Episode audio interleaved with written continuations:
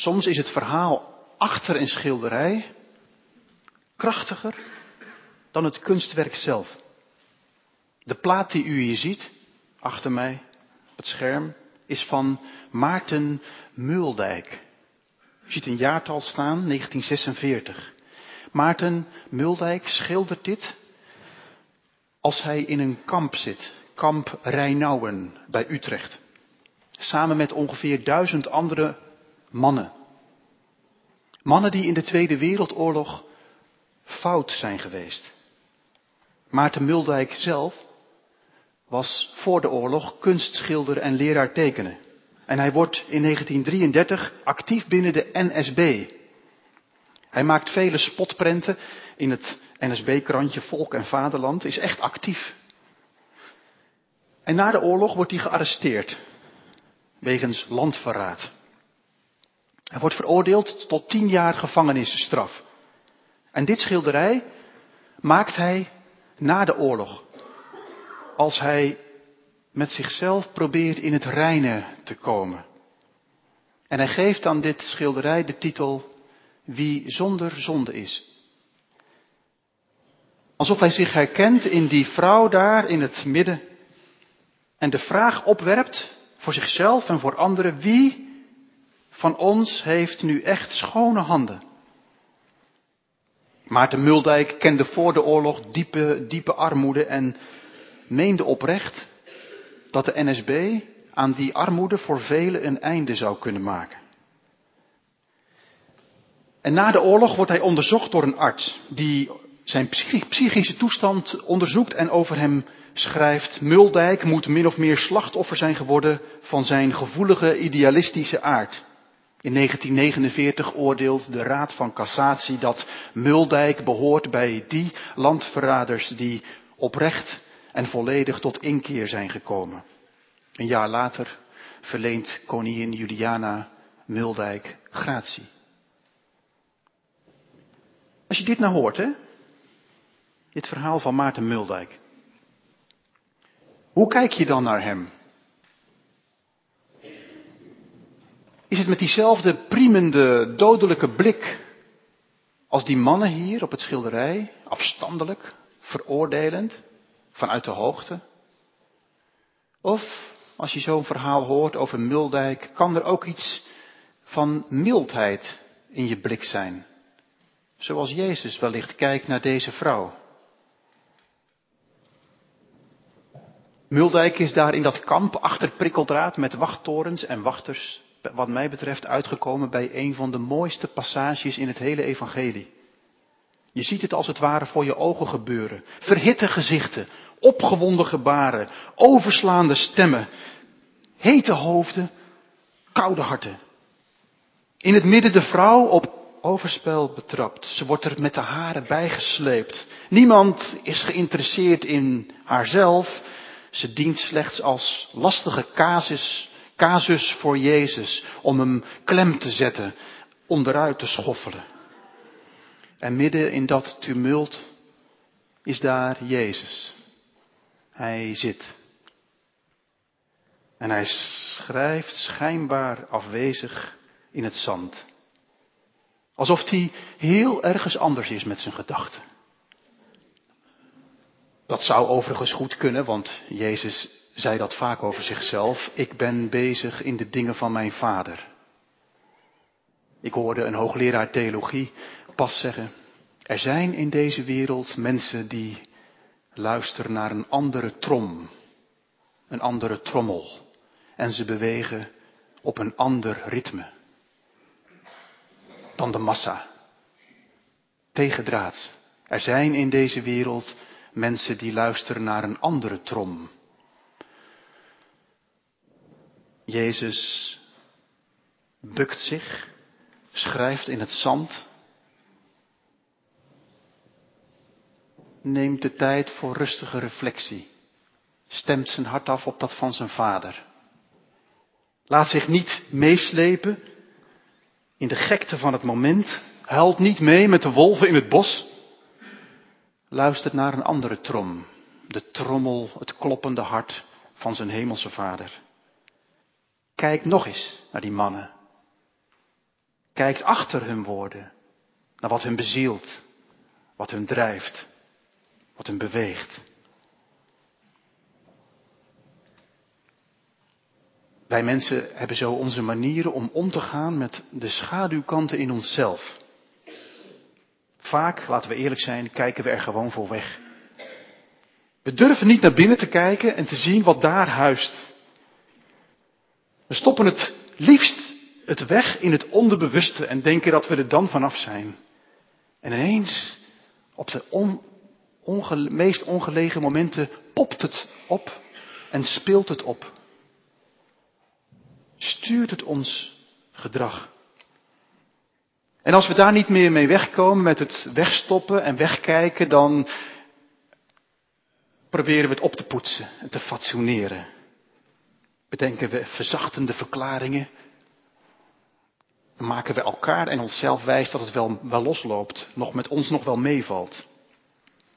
Een andere manier van omgaan met, met de duistere kanten in ons eigen leven, u in het uwe en ik in het mijne, is dat we heel hard gaan poetsen om de vlekken weg te krijgen. En dat wat misging in het verleden nu proberen te compenseren. Door overactief, godsdienstig bezig te zijn. Maar we kunnen er niet mee ongedaan maken. Wat is gezegd en geschreven, gedaan of nagelaten. En weet je wat een tricky manier is wat we, wat we soms kunnen doen? Dat we ons eigen falen en tekortschieten, dat we daar innerlijk geïrriteerd over zijn en het dan afreageren op iemand die een misstappen gaat. En dan extra hard, extra fel uithalen. Ik las van de week over hoe het gegaan is met Muldijk en zijn andere foute Nederlanders. Fout. En, en ik las van de week overigens dat de regering in Noorwegen heeft na 70 jaar zijn excuses aangeboden aan de kinderen van moffenmeiden. Die na hun geboorte, Noorse meiden die een affaire kregen met een Duitse soldaten, werden kinderen uitgeboren. En die kinderen werden in krankzinnige, krankzinnige gestichten weggestopt. En de Noorse regering heeft 70 jaar later excuses aangeboden. En ik las van de week dat Historici hebben gekeken naar wat er in Nederland gebeurde op Bijltjesdag. Toen al die NSB'ers aan hun haren uit de huizen werden gesleept. En, en sommige historici zeggen, de extreme, felle, het felle extreme geweld wat in Nederland plaatsvond, vergeleken bij omringende landen, is voor een deel te verklaren uit het feit dat de mensen die daar vooraan stonden om stenen te gaan gooien en meiden kaal te scheren, in de oorlog zelf gefaald hadden tekort waren geschoten en het nu afreageerde op die ander. In de Nederlandse kerken, ik, ik, was er niet bij, maar in de Nederlandse kerken werd in 1945 een kanselboodschap voorgelezen. En werden aan al die banken met kerkgangers, werden ze opgeroepen om ten opzichte van landverraders de barmhartigheid van Christus te betrachten. Mild te zijn. Maar het kon niet verhinderen dat op hervormde op hervormde basisscholen kinderen van foute Nederlanders jarenlang apart moesten zitten in de klas. En jaar na jaar werden overgeslagen bij het uitdelen van de kerstgeschenken. Grimmige reflexen, ze zijn nooit ver weg. We zien die mannen daar staan met de steen in hun handen, maar we zien in onze tijd op social media het, wat het, het duisterste wat naar boven komt in, in hele complete volksgerichten. Als er een drama gebeurt ergens in ons land, zijn we er als de kippen bij om een zondebok op te sporen, want Barbetje moet hangen. En als iemand in het publiek een misstap begaat, zijn de tafels aan de talkshows te klein. En schuift Jan en Alleman aan om die ene man of vrouw die, die wankelde en struikelde vakkundig te fileren. Het haalt in ons mensen het slechtste naar boven. Dat wraakzuchtige. Die afrekencultuur. Het sluipt in ons taalgebruik en je hoort steeds vaker zinnetjes als ga toch eens weg, ga toch weg, hou toch eens op, ik ben er helemaal klaar mee. En Jezus ziet dat en hij proeft dat terwijl hij tekent in het zand. Hij hoort hun stemmen en hij stemt zijn hart af op die andere trom. En stelt dan die ene vraag die het hele circus stillegt. Wie van jullie zonder zonde is, laat die de eerste steen dan werpen. En hij gaat weer zitten en schrijft verder in het zand. En het hele circus valt in één keer stil. Het enige wat je hoort is plof. Een oude man laat zijn steen vallen. Hij heeft zeventig jaar geleefd en heeft een nodige duisternis gezien in zijn ziel. Hij gaat in stilte weg om er thuis eens over na te denken. Plof, een vijftigjarige. Plof, een dertiger. En de een naar de andere man gaat met hangend hoofd naar huis om zich te bezinnen, hoop ik. Soul searching te doen. Wat is het dan toch wat Jezus in dat zand schrijft? Ik vind de volgende verklaring aannemelijk. Het gebeurt allemaal tijdens het Loofhuttenfeest. Het laatste feest voor de winter. Het hele volk is bezig met gebeden om regen. Zend uw water, zend uw regens over ons, zodat er in het voorjaar weer te eten zal zijn. En die metafoor van water wordt ook in het onderwijs, in bijbelstudies, door schriftgeleerden en fariseeën gebruikt om aan te geven waar onze diepste dorst zit. En op de laatste dag van het Loofhuttenfeest is daar de hoge priester die een grote kruik water over het altaar giet en het hele volk roept, Hosanna, Hosanna, red ons God van droogte en hongersnood en zend uw winterregens. En dat moment kiest Jezus uit om er overheen te roepen, wie dorst heeft, laat hij tot mij komen en drinken. En dan is er het incident met die vrouw. U moet zich voorstellen, een enorme festival van religieuze kampeerders in loofhutjes. Er wordt de nodige wijn gedronken. Op de heuvels rond de stad is het bezaaid met loofhutjes. Het is gezellig rond de kampvuren. En diep in de nacht belanden een man en een vrouw in het verkeerde tentje. De volgende morgen hebben ze misschien spijt van hun lichtzinnige keuze. Maar het is al te laat. De vrouw wordt met haar haren uit het tentje gesleurd. De man verdwijnt stilletjes. Het zegt ook veel. De vrouw wordt uit het tentje gesleurd, op het tempelplein gekwakt. Wat gaan we doen, Jezus? Stenigen? Of vrijlaten? En in beide gevallen zit Jezus klem. Wat schrijft Jezus daar in het zand? Misschien wel teksten uit Jeremia die in die waterbijbelstudies klinken. Ze lazen rond het Loofhuttenfeest onder andere uit Jeremia de passages waar staat dat als je geen water drinkt en hebt, dat het dan stoffig wordt in je leven. En dan leest, leest Jezus, schrijft hij misschien in het zand dit woord. Heer, bron van Israëls hoop, wie u verlaten zullen te schande worden, wie van u weggaan zullen in het stof worden geschreven, want zij hebben de Heer, de bron van levend water, verlaten. Dit zijn allemaal schriftgeleerden. Misschien heeft Jezus alleen maar hoeven opschrijven Jeremia 17, vers 23. En al die mannen daar zijn zo geworteld in de schriften dat ze meteen dachten, ah ja, hun namen zullen in het stof worden geschreven. Weet je wat Jezus in het stof heeft geschreven wellicht? De namen van al die mannen. Ruben. Simon. Nathanael. Houdt zijn spiegel voor. Wie afwijken, wie het water laten liggen, verdwijnen in het stof. En, en dat die enorme opwinding die daar hangt, die enorme stofwolk van verontwaardiging, laat zien dat deze mannen geestelijk kurkdroog staan. Het komt omdat ze geen raad weten met, met het levend water wat voor ze staat in Jezus, de Messias. Ze weten niet wat ze met hem aan moeten. En door die afstand die ze houden, staan ze geestelijk kurkdroog. En is er, is er die selectieve verontwaardiging, dat obsessief bezig zijn met de duisternis bij de ander. En toen gingen ze weg. Eerst de ouderen, toen de jongeren.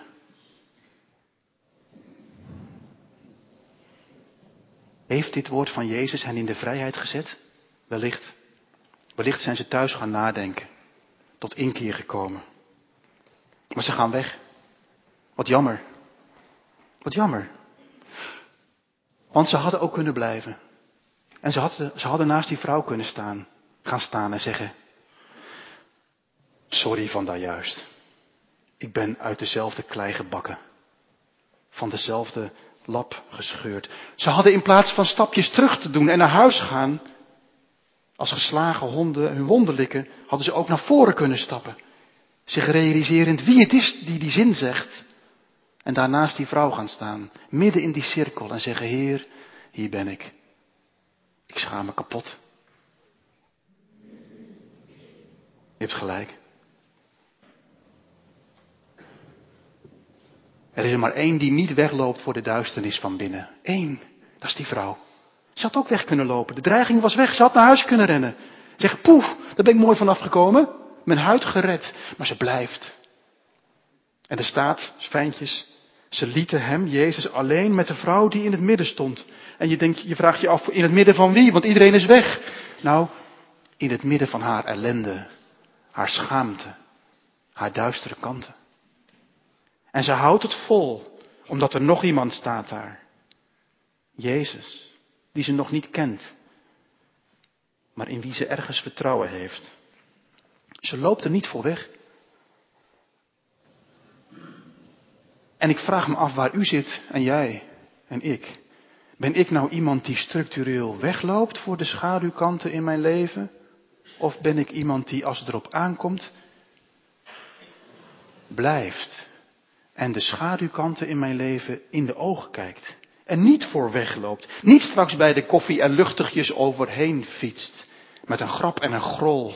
En altijd maar het weglacht. Ze blijft. In het midden van haar schaamte en haar schuld. Gezegend ben je, zou ik vanmorgen tegen je willen zeggen. Gezegend ben je. Als je blijft in het midden van je duistere kanten. Niet alleen, want je zou stikken. Maar met die ene man. Die die ruimte schept. En aan haar vraagt, waar zijn ze? Heeft niemand je veroordeeld?